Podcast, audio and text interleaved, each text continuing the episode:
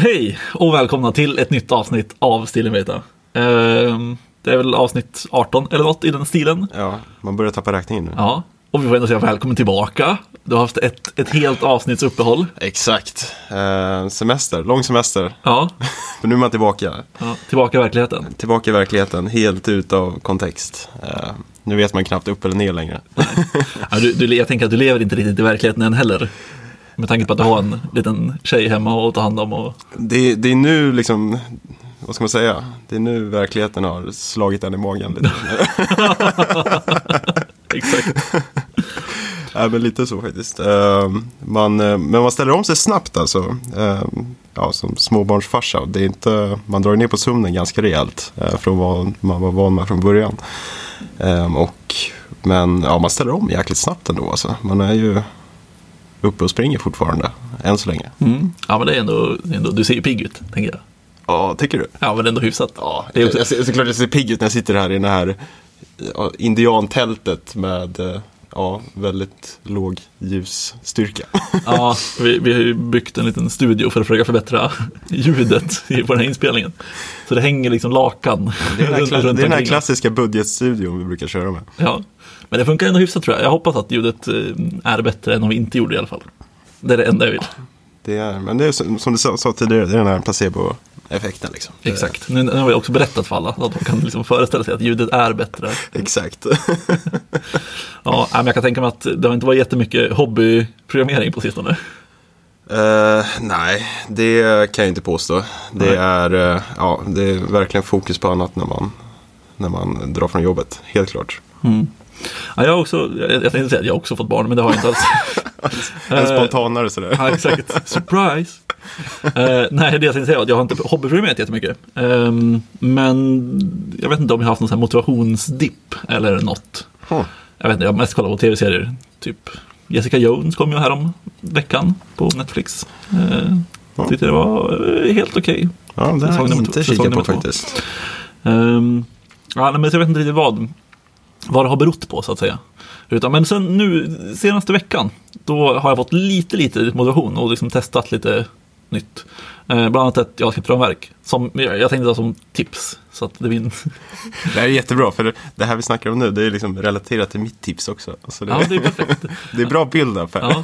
Ja, det blir eh, dubbel cliffhanger till slutet till våra tips. Exakt. Ja, så Häng kvar om man vill höra det. Ja, I övrigt så tänkte vi väl så här, alltså, vi kom ju fram till att både du och jag har egentligen kört lite intervjuer. Mm. Eh, alltså att vi intervjuar nya kandidater till våra jobb i princip. Eller hur? Så nu blir det lite, vad ska man säga? Eftersom vårt första avsnitt, då pratade vi om att bli intervjuad egentligen. Ja, men precis. Eh, och nu har vi båda ja, ja, suttit på andra sidan bordet. Mm, exakt, alltså det Eh, känns ju att lite så här, har, har vi gått cirkeln runt nu? Nu är det liksom slut. Nu är man färdig. Ja, nu är det färdigt. De har gjort allt. Exakt. Eh, nej, men jag tänkte att, alltså, så här, den första grejen jag tänkte på är att, så här, att det har gått, alltså jag hade inte sett framför mig att jag skulle köra intervjuer, alltså efter ett och ett halvt år blir det väl ungefär då, när jag började. Det känns som att jag är väldigt junior för att köra intervjuer. Mm. Ja, men jag håller med. Eh, det är så här, man har inte så mycket i liksom så bagage att lägga bakom sig. Eller så här, någonstans, eller samtidigt någonstans måste man ju börja och liksom hålla den första intervjun egentligen. Eh, det som har varit så här, alla kandidater jag har intervjuat har ju haft, dock haft typ tio gånger så lång erfarenhet som jag har. och det är också eh, ja, lite speciellt liksom, perspektiv på det egentligen. Men eh, ja, sjukt kul ändå att fått pröva på det. Eh, jag vet inte, hur många, hur många intervjuer har du liksom varit delaktig i? Ja, men det är lite speciellt för att alltså, jag är ganska tvärt emot jag säga. För jag har bara intervjuat folk som är helt nya i princip. Eh, för jag har intervjuat folk till vårt traineeprogram. Eh, och då har jag kört liksom den tekniska intervjun. Så jag har inte kört någon vanlig sitta och snacka intervju. Nej. Även om det blir lite så på vår tekniska intervju också. I alla fall när jag gör det, jag vet inte vad andra gör. Eh, Men, men eh, och liksom, så jag körde, kan det vara åtta intervjuer? Ja, någonstans i den storleksordningen. Sex eller åtta intervjuer tror jag det var. Och körde liksom alla de här på en kväll. Ehm, för att när vi intervjuar för traineeprogrammet så har vi liksom man får, köra, man får komma till oss och så gör man flera intervjuer samtidigt. Tror att vi pratade om det här i avsnitt ett så att där, där förklarar jag nog exakt hur det går till. Ehm, Nej men så att då, då blir det kanske många samtidigt. Ehm, och då körde jag liksom den tekniska intervjun, vilket är väldigt kul. Det är ju i princip whiteboard-programmering, fast vi har liksom gjort en uppgift som inte riktigt eh, går att lösa bra på, alltså med programmering. Okej, spännande. Ehm, och sen så är det absolut inget krav att man ska kunna programmera. Nej. Eh, för att vi anställer in en massa olika roller. Eh, och det är mer så här logiskt tänkande och sånt. Så att det var inte så, alltså det, av de som jag intervjuade så var det inte så många som faktiskt skrev faktisk kod. Utan det var mer så här att man förklarade hur man tänkte och ritade lite och liksom så. Det tycker jag egentligen är bättre för en sån uppgift. Eh, för det man vill åt antar jag är väl, ja men som du säger, logiska tänkande och liksom så problemlösningsförmågan. Och sen mycket, ja man vill väl egentligen att kandidaten ska snacka högt medans hen löser problemet Mm, egentligen. För absolut. att se, höra hur de resonerar liksom kring ja, problematiken. Jo men så är det ju, alltså så här, om man inte tänker högt så är ju det ett minus. Eh, och alltså, det är också så här att när, det är lite speciellt när man intervjuar folk som är helt nya för att de är ofta väldigt nervösa. Ehm, och det märkte man ju på folk att vissa fick man kanske snacka lite mer med liksom, innan man kanske drog igång med riktiga uppgiften. Och vissa liksom så här, ja, men, gick direkt in på uppgiften och liksom kände sig ganska självsäkra. Ehm, så att jag tycker det är väldigt eh, svårt. uh, liksom, Men då var det ganska korta sekvenser då egentligen. Om ni körde allting på en kväll och sen många olika typer av intervjuer samma dag liksom. Eller samma, ja, samma kväll blir det väl då. Ja, precis. Ehm, för det här var liksom uppsamlingshitet kan man säga. De som inte, vi har ju en dag i vanliga fall. Ehm, och sen så var det de som inte kunde komma på den dagen och fick komma på en kväll. Ehm, och det är precis som du säger, alltså den var 20 minuter. Var väl den tidsgränsen som var satt tror jag. Ehm, så att det är väldigt liksom kort tid för att liksom egentligen hinna göra något intryck överhuvudtaget. man tycker. Ja, lite så. Men då är det också så här, då fyller det sitt syfte att ha, vad ska man säga, ja, dels om det är många personer på en gång. ehm, att ge alla liksom samma problem så att säga. Då är det lättare att ställa upp någon form av jämförelse. Ehm, och sen är det också väldigt praktiskt att ta en problemlösning där och då direkt på plats. eh, med ett, ja vad ska man säga, ett framarbetat liksom, problem som du har liksom, analyserat kring redan innan. Ehm, då blir det liksom, ja, då kommer man rätt på sak mycket snabbare och på kort tid kan liksom, ja, dra mer, ja, mer slutsatser om kandidaten helt enkelt. Mm, jo men absolut, jag, jag håller helt med dig. Det blir liksom på något sätt som, alltså man måste ju liksom prestera också under de här 20 minuterna. Eh, alltså, Sen är det klart att alltså, även om du har en intervju som en halvtimme eller 45 minuter eller vad som helst, alltså man måste ju alltid prestera. Eh, men jag tror att pressen, i alla fall på när man är liksom ny, helt, helt ny och fräsch liksom från, från högskola eller var man nu kommer ifrån. Så då tror jag att det blir blir ganska jag, jag vet, jag försökte komma tillbaka, tänka tillbaka till liksom hur det var när jag själv blev intervjuad. Vilket jag har insett är ganska precis två år sedan nu, tror jag. Ja, men exakt. Ehm, och det var ju, alltså så här, jag är inte den personen som känner så mycket press och nervositet överlag. Av någon jävla anledning. Nej, jag, jag är helt tvärtom. Ja. Ehm, så att för mig så var det ändå rätt lugnt. Jag är ganska så här självsäker i min, mina tekniska kunskaper eh, och så. Ehm, men ändå så kände man liksom att under, man ville ju verkligen prestera i och med att det var så kort tid. Eh, och liksom så här, ja, men tänk om jag bara, om jag gör liksom ett fel eller liksom att man får blackout. Då är det liksom kört typ. Ja, men exakt. Ja. Men det är, eh, men då, men också ni kör väl eh, så här, ni börjar ju ganska tidigt för liksom traineeprogrammet eh, för nyutexade egentligen. Så det är väl ofta liksom, det är väl första liksom, intervjuerna de går på vanligtvis också. Mm, ja, vi ligger väldigt tidigt i liksom, perioden, för det är ju liksom på våren som folk kör. Men vår, ja, när var det här då? Det här kan vara tre veckor sedan, så mitten på februari liksom. Och liksom, jobbet börjar i augusti-september. Eh, det är väldigt långt liksom, mellan. Ja, men exakt. Och det är inte så många andra som har börjat med sina intervjuer, precis som du säger. Så att, Nej, speciellt inte eh, för, liksom, ja, för nyutexade liksom, traineeprogram. Och, ja. nej, precis, för traineeprogram brukar det ofta vara att de kör igång liksom, på, på hösten också. Eh, Så att det är väldigt många som börjar samtidigt. Och man märker också lite skillnader, särskilt på de som, i och med att vi kör, liksom, men här, i det här, vårt fall så är det fyra intervjuer på kvällen. Och märker på de som har varit på andra intervjuer före, om det, om det är liksom sista intervju eller första intervju, Ja.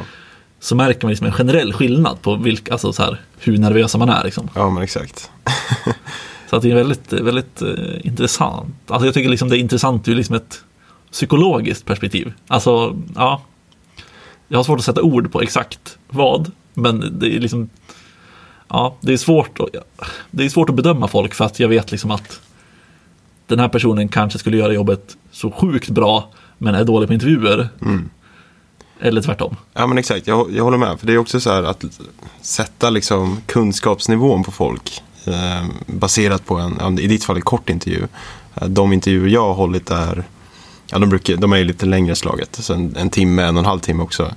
Men eh, jag har också liksom bara hållit den tekniska biten mm. Eh, alla gånger egentligen. Och sen såklart att det som du säger, det rinner över i, i annat också. Men det är så här, jag tycker det är bra att det blir så egentligen. Jag brukar egentligen försöka inleda på ett lite mer personligt plan innan man liksom dyker ner i det tekniska. Eh, för för mig så, äh, även om det är en teknisk intervju så, ja, jag vill ju gärna själv kunna utvärdera en kandidat baserat på annat än bara den tekniska kunskapen egentligen. Mm. Um, så det tycker jag är ganska viktigt att man kan liksom rinna över på det också uh, egentligen. Ja, jo men absolut. Nej men det är väldigt, jag håller helt med. Alltså så här, att ha bara en superteknisk intervju skulle ju vara ganska tråkigt. Alltså både för den som intervjuar och för den som blir intervjuad. Faktiskt. Alltså bara komma in och bara, okej okay, nu ska du göra det här på whiteboarden. Sen sitter en person och tittar på dig i 20 minuter. Och sen så ska du presentera ditt resultat och så får man ett okej. Okay. ja, precis. Men hur känner du liksom annars att, uh, att faktiskt hålla intervjuer?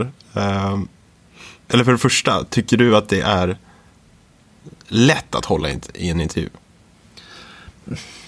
Ja, alltså det är lite blandat tror jag. Ja. Jag tycker att det är ganska lätt att liksom men det är så här, jag tycker att det är ganska lätt att hålla intervjun. Men det kan vara svårt att få det till att vara en bra intervju. Ja, men exakt. Alltså liksom att göra själva grejen har jag liksom inga problem med. Att liksom sitta och snacka och liksom förklara någon teknisk uppgift och så här. Och jag har liksom mm. inga problem med den grejen. Men sen kan jag liksom känna skillnad att ibland så här, ah, fan det här, att man hade kunnat gjort någonting annorlunda eller så här. Um, och det är ju svårare då liksom att så här, ja, vara lite självkritisk och vad, vad ska jag göra bättre till nästa gång och försöka komma ihåg det nästa gång jag gör det och sådär. Mm. Sen alltså för mig så var det också i och med att jag gjorde liksom, ja, men, säg åtta intervjuer på en kväll så hade jag liksom inte så mycket tid att reflektera emellan. Nej, så blir det ju. Mm. Men absolut, alltså, jag var ju mer eh, liksom säker på mig själv i slutet mm. än vad jag var liksom i början. När jag höll min första intervju. Liksom. Ja, men exakt.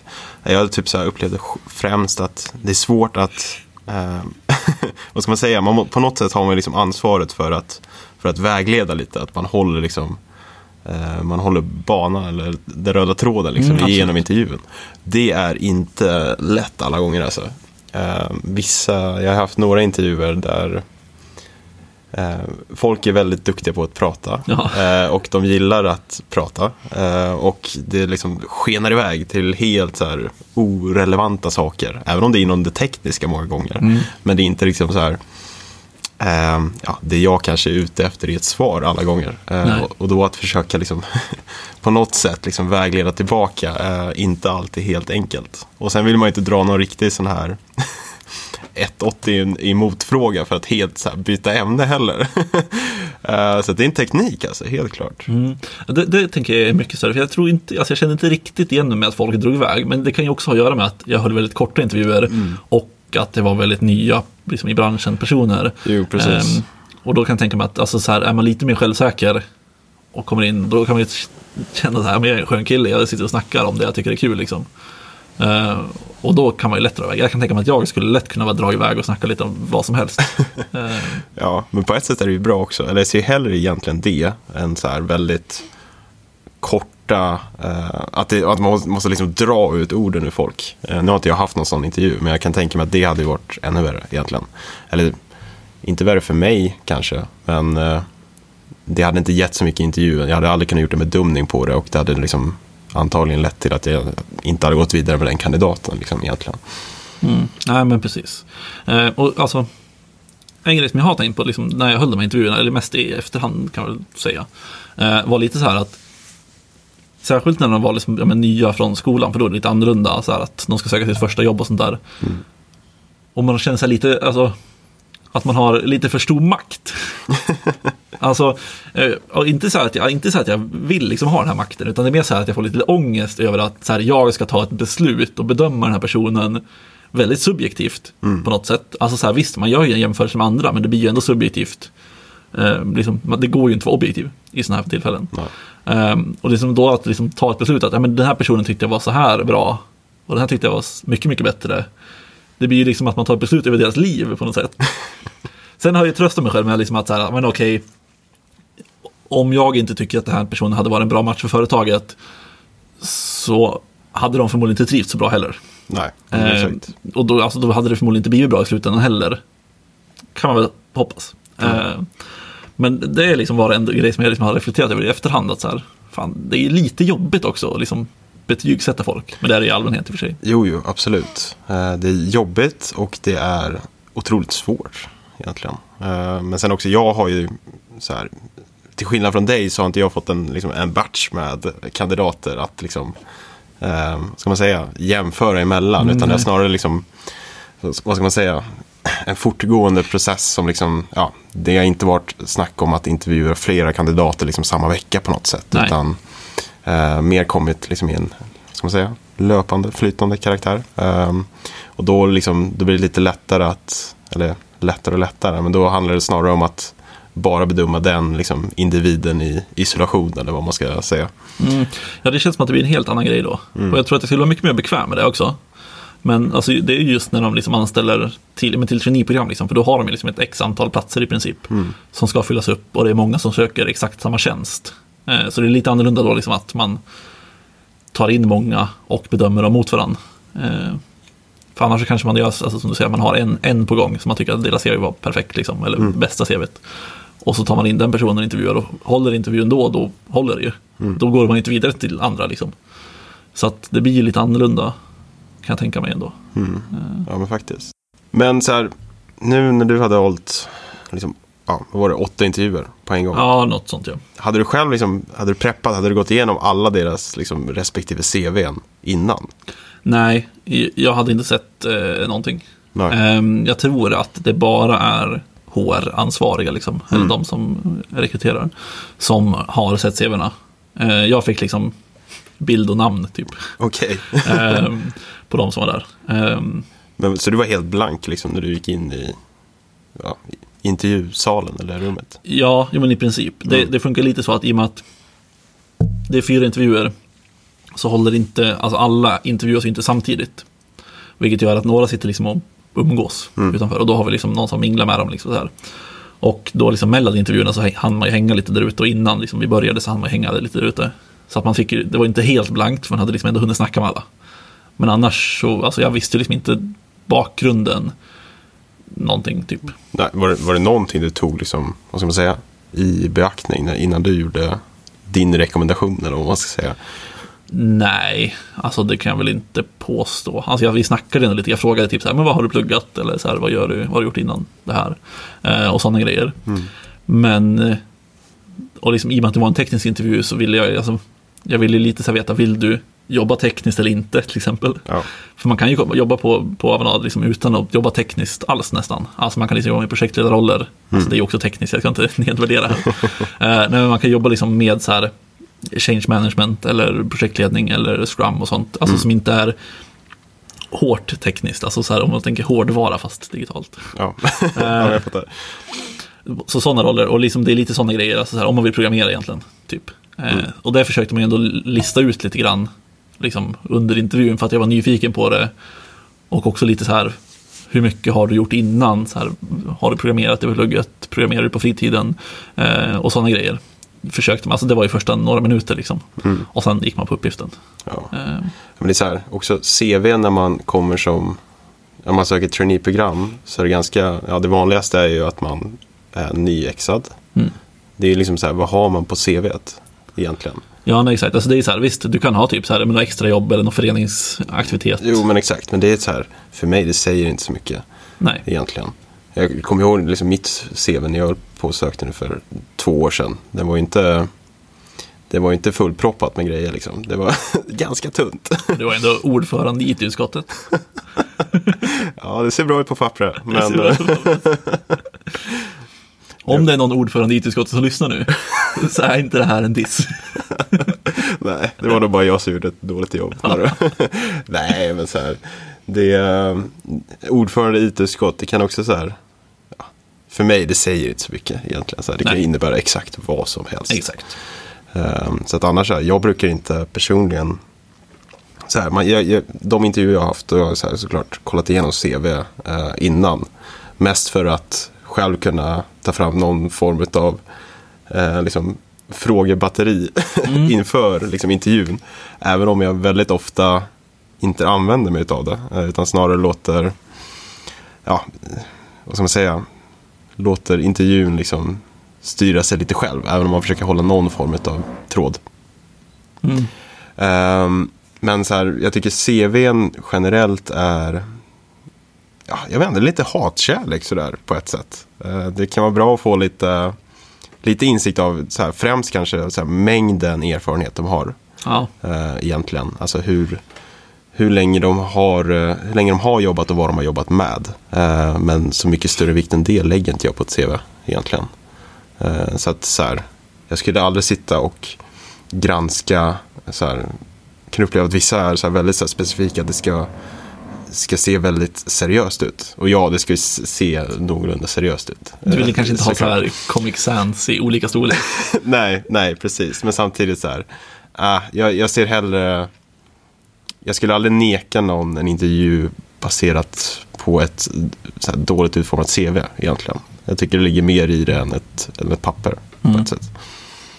Faktiskt. Jo men absolut, jag, jag håller helt med. Och jag, alltså jag vet ju när jag skrev mitt CV så var det ju så här att jag bara, alltså jag försöker få det tillräckligt bra för att liksom man ska få komma på intervju typ. Mm. Alltså, sen brydde jag mig inte så mycket, sen var det liksom personligt brev också, eh, vilket jag tror säger mer eh, om vem man är som person liksom. Faktiskt. Och då ska jag lägga till också att jag tror inte jag har läst något personligt brev för någon kandidat egentligen som jag har intervjuat. Om jag ska vara helt ärlig. Det är ju lite av en miss faktiskt. Mm. Det tror jag. Jag skulle nog hellre läsa ett personligt brev än ett CV på Ja. ett sätt. Mm, men det, det kan jag tänka mig. Sen vet jag inte, alltså jag vet liksom inte hur det funkar när man är lite mer senior. Skickar man fortfarande personliga brev? Det kanske Eller man inte blir gör. man liksom headhuntad det, det är därför jag inte har läst några personliga brev. Ja, exakt. Alltså jag tänker att man kanske, liksom inte, man kanske inte skriver personliga brev. Man kanske Nej. bara skickar ett mail med här är mitt CV. ja, men kanske. Då är man ju, det är ju kaxigt på ett sätt. Ja, det är jävligt kaxigt på ett sätt. Ja, det är sant. Det är sant. Ja, dit har jag nog ett tag kvar kanske.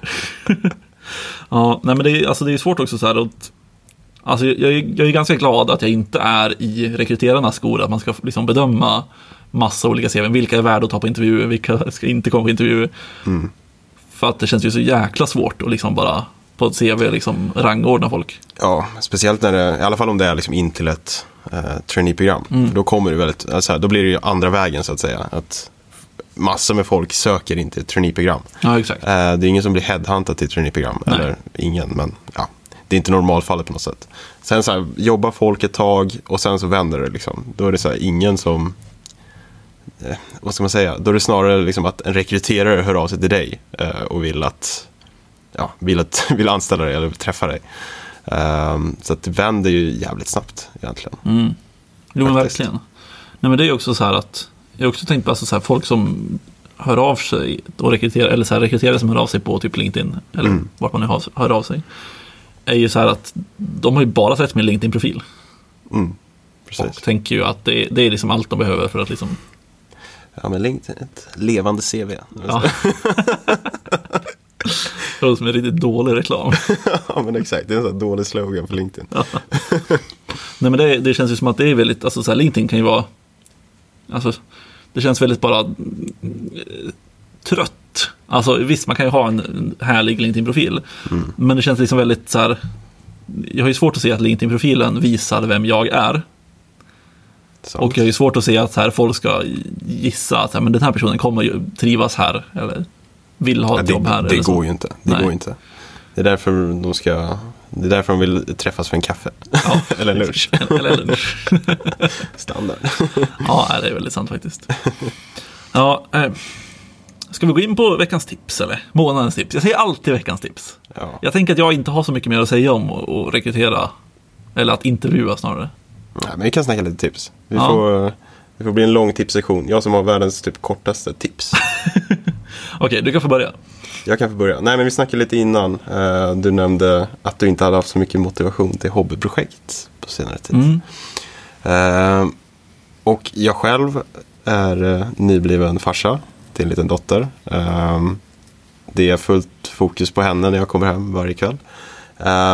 Och jag vet ju att oavsett om man är nybliven förälder eller inte. Eller, ja, det är många, jag upplever att i, i, i vår bransch, om man säger, just i, i, eh, kontexten av utvecklare är det väldigt mycket eh, att man alltid ska koda. Lite så här, man, man kodar dygnet runt. Eh, det är lite den eh, normen på något sätt. Att eh, ja, folk, eh, folk delar gärna med sig av att de kodar även efter jobbet. Eh, så jag tänkte tipsa lite om en, eh, det det blir en ganska så ganska så utbredd, utbredd artikel. Men eh, det är en artikel som handlar om egentligen att det är okej att bara koda på jobbet. Ehm, och egentligen, ja, vad ska, man, vad ska man säga? Att det är okej att ta det lugnt på kvällen eller hitta på någonting helt annat i en helt annan kontext än att sitta och koda eh, när man är färdig på att jobba. Och du kommer inte att hamna efter i, eh, du kommer inte bli sämre än någon annan för det egentligen. Ehm, och det var ganska skönt att läsa den artikeln faktiskt. För jag, jag kan ofta få, på ett sätt så här, om det är så att jag inte har kodat något hobbyprojekt på länge, då kan man få lite dåligt samvete. När man ser att folk delar med sig eller pratar om sina hobbyprojekt de gör på fritiden. Och nu finns det ju absolut ingen tid för mig att göra det.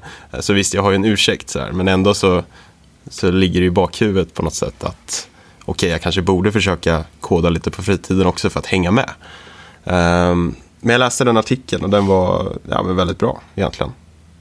Bara för att eh, komma till insikten om att fan, jag kodar ju ändå 40 timmar i veckan. Okej, jag kodar inte 40 timmar i veckan för jag har mycket annat också att göra. Men jag kodar ändå en hel del i veckan. Eh, och jag tar mig hela tiden framåt, jag lär mig hela tiden. Och det är liksom, jag kommer aldrig att halka efter så länge jag kodar på jobbet egentligen. Nej, men exakt. Alltså, det är lite kul för att jag har, jag tror inte att det är samma artikel, eh, men jag har läst en annan artikel ur lite som just, jag kom på nu, och på det här ämnet, liksom rekrytering och ans, alltså så här anställning, som också hade med det här att göra. Att grejen är att det pushas ju ganska hårt på många ställen att så här, ja, men det är plus i kanten om du kodar på fritiden, det är plus i kanten om du har hobbyprojekt och så här. Ehm, allt sånt, liksom, om- ja, men kul, skriver du artiklar eller bloggar du eller håller du presentationer på konferenser och allting sånt. Och om man rekryterar för det, alltså så här att det är plus i kanten, att det är liksom där man söker efter, då kommer du anställa unga singlar Faktiskt. eh, som inte har barn såklart. ja. Eh, för att det är liksom de som har tiden att koda på fritiden, det är de som har tiden att göra allt det här som är liksom extra. Sen det är klart att det finns andra som gör det också. Alltså även liksom föräldrar som har barn. Alltså så här, Det är klart att det finns dem, men majoriteten av de som gör det är liksom unga singlar utan barn. Ja, men exakt. Och det leder ju i sin tur, tänker jag, till lite större problem. Alltså så här att det blir lite alltså, halvdålig mångfald liksom, i teamet. För att alltså, vi har ett, ändå ett hyfsat mm, diverse, hur översätter man diverse? Olikt team. Nej. Mångfaldigt. Mångfaldigt. Nej, det var extremt dåligt. Men vi säger det så länge alla fattar vad vi menar. Eh, nej, men, eh, alltså vårt team som jag sitter i just nu, där är det ändå liksom, det är både kvinnor och män, män i majoritet, för att så är det ju tyvärr. Ehm, men det är liksom, vi är liksom både unga och singlar utan barn och liksom unga i par och liksom, det finns även folk, jag tror majoriteten av teamet har nog barn, Ja. tror jag. Ehm, ja, ja, så är det. Ehm, och alltså det bidrar ju på något sätt. Alltså för jag, jag ju, visst, jag umgås ju mycket med folk som är som mig, alltså ung och singel. Eh, men Ung singel och utvecklare. exakt, exakt så. Eh, nej men alltså jag tänker att det bidrar liksom till mig också, alltså så här, och till teamet såklart, men att vi är lite olika. Ja. Det skulle vara extremt tråkigt för mig om alla var likadana. Ja, men exakt. Ehm, vi var ju, vi var, alltså i början när jag började så var vi bara män i teamet. Och nu är vi två av åtta tror jag är tjejer. Eh, och alltså bara det tycker jag har gjort en ganska stor skillnad i liksom, man säga, attityden, inte attityd kanske, men stämningen lite grann. För jag tycker att det är lite härligare stämning. Det var ganska grabbigt ett tag eh, och så. Och liksom, ja, men jag tänker så här, om, om det är som du säger, alla i team är exakt likadana. Eh, liksom, ja, nu tar jag det som exempel, men, liksom, ja, men singel, man, man jobbar som utvecklare, man sitter bara och kodar på kvällen. Det här är extremt överdrivet. Men liksom så här, just stämningen i teamet, vad fan snackar man om på lunchen efter ett tag? Liksom? Nej men exakt. Åh, testade det här frameworket igår. Nej, men liksom just den här mångfalden, lite olika liksom, familjesituationer, bara det. Alltså bara för att få liksom, det bidrar ju så mycket till gemenskap, liksom få höra om jag tänker bara så här, olika liksom, så här, vardagsproblem för olika liksom, personers eh, ja, och deras familjesituation. Sånt är ju så här, det är ofta väldigt kul på ett sätt. Eh, och det bidrar ju verkligen till liksom, stämning egentligen. Mm. Och så här, personligen tror jag det är jävligt nyttigt och kunna bryta av eh, en arbetsdag med någonting annat ibland som inte har med jobb att göra. Eh, liksom, ah, fan det gick åt helvete när jag skulle lämna ungen på dagis igår. Ah, men så här, whatever. Mm. det, det tror jag liksom, det bidrar. Det tror jag är jävligt, det är bra. Det, är- det är någonting man ska satsa på. Liksom, att ha, ha det lite mer liksom, personligt på jobbet. Eller, vad ska man säga? Personligt men inte jobbrelaterat. Liksom, Ja, alla precis. gånger egentligen. Ja, men det kan jag verkligen känna igen mig i, liksom i att så här, jag tycker ju att det är ganska roligt att höra om hur andra har det. Alltså så här, de är liksom äldre än mig och har barn och så här. Och det är ganska kul att höra att, ja men shit, jag fick åka till förskolan igår för att de ringde och så kom jag dit och min unge ligger liksom, har spytt ner hela förskolan och var liksom öppnat varenda fönster. Och man bara, jag är ganska glad, jag är singel just nu, inte alla barn. Ja, men exakt. Men det är liksom kul att höra om andra problem, för annars blir man så jävla inskränkt tänker jag. Alltså så här, Ja, men exakt. man måste ju fatta att alltså, man lär sig mer av det. Liksom att bara höra om hur andra har det än liksom bara att umgås med sådana som man är likadan som. Mm. Ja, men verkligen. Ja. Och eh, eftersom jag, om vi ska gå vidare till mitt tips, och Yes. liksom eftersom jag är här, ung, singel, inte några barn, så har jag liksom ett, ett ramverk. Så jävla passande. Ja, jag tycker också det.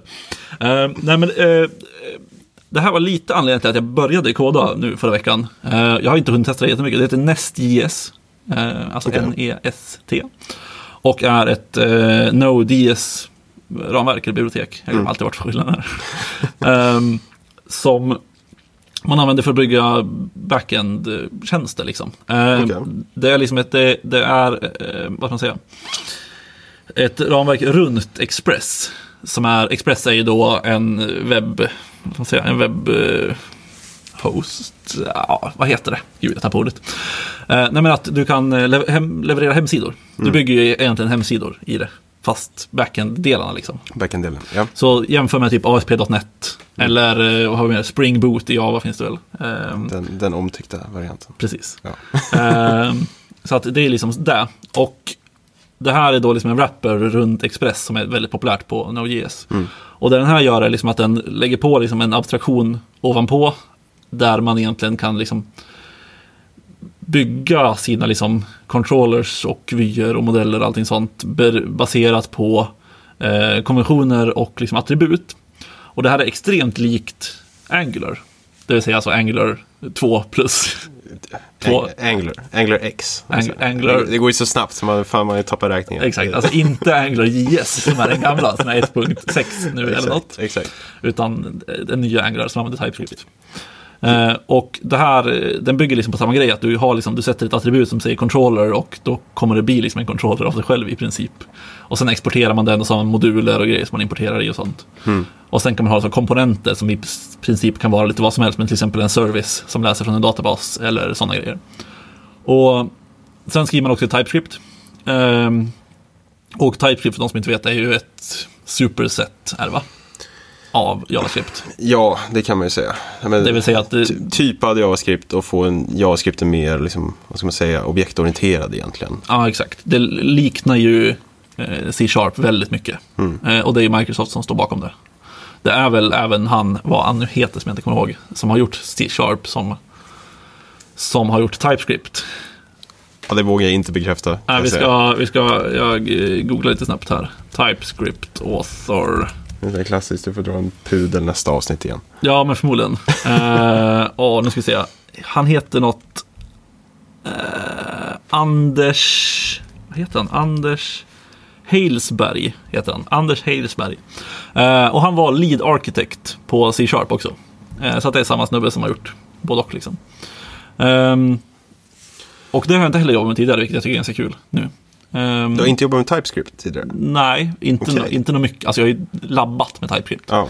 Men inte liksom så att jag har skrivit något ordentligt i det. ja. Men vad är liksom, vad ska man säga, din, eh, inte känsla, men vad tycker du så här långt liksom? I- Alltså, jag, jag gillar ju JavaScript också. Ehm, och jag, har, alltså, eller så här, jag gillar modern JavaScript. Ja. Ehm, för kör man till exempel alltså Babel som är den här transpilatorn som gör att man kan skriva modern JavaScript och så gör den om det så att det funkar på gamla webbläsare. Ehm, kör man den så funkar det ju ändå hyfsat. Alltså det gör ju liksom inte... Det, alltså modern JavaScript är ganska nice. Alltså, Ja, men jag, jag tycker det är nice. Och sen är det så där, ja, att den som tog fram Babel, alltså, det är guld. ja, Så det, det är helt fantastiskt verkligen. Ja, ja nej, men så det, det tycker jag är väldigt nice. Ehm, men TypeScript är ju väldigt likt modern JavaScript. Förutom att det är typat egentligen. Ehm, så att liksom du, du kan säga att den här variabeln är liksom av den här typen och den kommer klaga när den kompilerar. Liksom. Ehm, så att jag tycker det är väldigt, väldigt nice. Och jag har inte heller kört så mycket Angular. Eh, Så jag kan liksom inte jämföra hur likt den här Nest är Angular egentligen. Nej. Men det, det står liksom explicit att den är väldigt inspirerad av Angular och så. Ja. Eh, Så jag är lite mer sugen på att köra mer Angular nu. Efter att jag kört Nest. Det är så alltså. Ehm. Du ska hoppa ner i säga. Ja, men lite så. Jag har inte kikat någonting på Nest, men jag kikar lite på Angular. Mm. Men och, det är liksom, vad ska man säga, det är ett MVC-flöde på ett sätt. Ja, du kan köra MVC med den. Jag, jag har hittills bara byggt API-er med Nest. Okej, Ehm, vilket jag tycker funkar extremt bra. Liksom. Mm. För du kan liksom, det funkar ju precis som i om du hade byggt liksom, API-er i ASP.NET. Att du specificerar en klass som en controller och i den klassen så har du varje endpoint som den har. Liksom. Mm. Så det funkar på i princip exakt likadant ehm, som i ASP.NET. Men med, med lite annorlunda syntax. Liksom. Och ja, det, det är väldigt, väldigt smidigt bara. Eh, jag tycker att det är väldigt mycket så här logiskt och det gillar jag. Det är samma sak som jag känner med views som jag tjatar om i varje avsnitt nästan. Eh, att mycket är logiskt. ja. Ehm, så det är lite där jag har fastnat för mest. Liksom.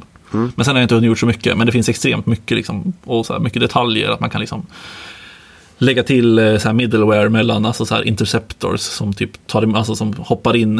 Eh, när du tar emot anrop så kan de, går de igenom den där interceptorsen först. Och så finns det något som heter pipes som typ transformerar din imp, alltså där, där du tar emot och sådana grejer. Så det finns väldigt mycket avancerade grejer också. Och jag tror att det här är ganska populärt. Jag hade inte hört talas om det förut, förutom att sen fick jag, såg jag, undrar om det inte var någon som länkade till mig. Det har, tror jag det har 4000 stjärnor på GitHub kanske. Ja, 4600 stjärnor på GitHub, vilket jag kan tänka är ganska okej. Tycker jag. Ehm, så att det har ändå funnits liksom ett tag och det verkar vara riktigt bra. Det har hållits några prat på konferenser och jag sett om det. Mm. Ehm, så att det verkar liksom ändå vara någonting som, alltså, inte, alltså det är liksom inte helt nytt och det kommer liksom inte försvinna. Det är liksom inte en snubbe som utvecklar det bara. Även om det förmodligen är en snubbe som utvecklar det mest. Men ja, det verkar riktigt, riktigt nice. Right, spännande. Mm. Jag är själv så här, jag ska säga, jag har inte suttit mig in i liksom Node-världen riktigt egentligen. Jag har inte hunnit helt enkelt. Nej, Det är lite synd. Jag är jävligt sugen att bara liksom testa att skriva backend i JavaScript. Mm. Ja, men jag, jag tycker det är, alltså i sådana här fall, jag tycker att det har varit lite, lite, lite så här hög tröskel tycker jag att köra liksom Express eller så här och köra liksom sådana grejer. Eh, och jag har aldrig liksom tyckt att det var riktigt nice. För att man var tvungen att skriva så mycket själv. Men det jag tycker att Nest liksom abstraherar bort det jag tycker är jobbigt. Så att det är väldigt simpelt för mig, för jag gillar ändå att ha en backend. Det liksom, alltså jag har samma, alltså då kör jag ju TypeScript där och så kan man ha alltså, TypeScript på fronten, TypeScript på backend. Liksom. Det är väldigt nice. Ja, men exakt. Eller Det JavaScript. Det, mig. det går ju att köra nästa JavaScript också såklart. Mm. Ehm, och det tycker jag är ganska nice, liksom, att man har samma backend och frontend. Uh, och det tilltalar mig ganska mycket liksom. Så att vi får väl se hur länge jag håller på med det. Nu har jag ju fått lite, jag vet inte, jag har, pra- jag har kanske pratat om mitt hobbyprojekt, det här med quiz, Spotify Quiz-appen. Eh, det är jag osäker på. Ja, Det nej, kanske var förra avsnittet tror jag eventuellt. ja, nej, jag tror inte jag pratade om förra avsnittet. Det kanske, jag kanske har pratat om det off-air, så att säga. Ja, exakt. Ehm, Du är en publik person numera. så- Exakt. Nej, men det är ju, alltså den, den byggde jag ju i, i Vue och ehm, med en, eh, en Node backend. Och ja, för att förklara vad det är så är det typ en, en eh, realtidsquiz-app där man använder, alltså så här, du kopplar upp det mot din Spotify och sen är det så här intro musikquiz. Och sen använder man sin telefon som så här buzzer och trycker när man kan svaret. Och så pausas musiken och lite sådana grejer. Eh, och den byggde jag eh, med Node backend och då använder man liksom WebSockets för den här realtidskommunikationen. Eh, och nu såg jag att Nest hade stöd för WebSockets också. Eh, inbyggt nu, liksom. nu är det ny backend på G. Så nu, nu ska jag scrappa hela den gamla backenden. Vilket i och för sig, den är ganska dålig. Det var lite det som fick mig att tappa suget på att bygga vidare på den, för den är inte riktigt klar. Men det var liksom så här att backenden blev ju värre och värre ju mer jag jobbade med den. Och det sista jag gjorde var liksom att refaktorera hela backenden till liksom ES6-klasser eh, och kompillerade med, eller med Webpack och lite sådana grejer. Eh, Men det blev liksom inte riktigt bra. Men, och jag tror att jag letade liksom efter en abstraktion som jag kunde använda. Men liksom inte riktigt fick till. Det blev, liksom, det blev värre än innan jag började refaktorera. Liksom. Eh, men nu jag tänkt att jag ska försöka bygga om det med Nest. Eh, och så får vi se hur, hur det blir. Eh, för jag tror att det kommer bli väldigt bra. För då kan jag använda liksom både liksom vanliga REST-anrop och sen använda eh, WebSockets för de grejerna som behöver vara realtid. Liksom. Så jag tror det kommer bli Ja, jag tror det kommer bli riktigt bra, förhoppningsvis. Jag tänker att jag kan återvända till det här när jag har lyckats bli klart den här appen, så får vi se om hur många år det här är. Exakt. ja, fan, du får hålla dig som singel länge så, Ja, det är det som är så, lösningen. så du hinner klart. Liksom. ja, det är Fixa exakt. absolut inga barn. Nej, då är det kört. Då är det kört. Då är det Ja, kört. Nej. Ja, Vi har ju i och för sig kompetensutvecklingstimmar på jobbet. Jag kanske kan argumentera för att jag ska bygga grejer i Node.js. Ja, exakt. Det borde ju gå hem som .NET-utvecklare. Ja, ja, Känner jag. garanterat. Spontant. Ja, men vi ska vara innovativa och moderna och sådär. Ja, men exakt. Ja, ja nej, men jag vet inte. Jag har nog inte så mycket mer att säga. Nej, inte jag heller. Jag är Ja. helt tom. Ja, nej, men eh, vi fick ihop ett avsnitt till slut. Ja, till slut så. Ja, Ja, utan Amanda. Exakt, Eh, som utan hade, Amanda, lite, hade, lite, hade lite fullt upp eh, den här veckan och då sprack det lite med planeringen. Ja, så kan det vara ibland. Ja, så nu ska vi, jag åker till Bulgarien och åka skidor på fredag. Det är så otroligt skumt att dra till Bulgarien och åka skidor. Ja, det är faktiskt, jag ska inte åka skidor i och för sig. Men de brukar ju liksom så här, i och för sig när man kollar på längdskidor, liksom, det kommer ju någon bulgar liksom i slutet. Ja, jo, det- i seglar, slutet. över, seglar över mållinjen. så att, eh, så Ja, att, ja, så det här, det här avsnittet kommer ut på måndag när jag kommer hem igen. Mm. Eh, vi får se. Det är ju med företaget så det ska bli väldigt trevligt. Det förstår jag. Jag är ju ja, rätt så mycket avundsjuk kan jag ju säga. Mm. Det ska vara 14 grader varmt har jag sett. Ja, härligt. Det känns, det känns underbart för jag hatar vintern just nu. det fan det värsta jag varit med om. Ja, jag håller med. Men eh, då är det bara att åka skidor i baris. Det är ju perfekt. Ja, det är perfekt. Ja, men vi säger väl så då. Ja, det gör vi. Ja. ehm, är det så att man eh, har några frågor eller åsikter som vanligt, vi finns på Twitter på attstillinbetapodd med 2D. Yes. Eller så kan ju också alltid dra via lite mer sociala medier och mejla. Mm. Uh, info.stillinbita.se Jajamän. Ja, vi säger så. Det gör vi. Tack för idag. Bye, bye. Tja.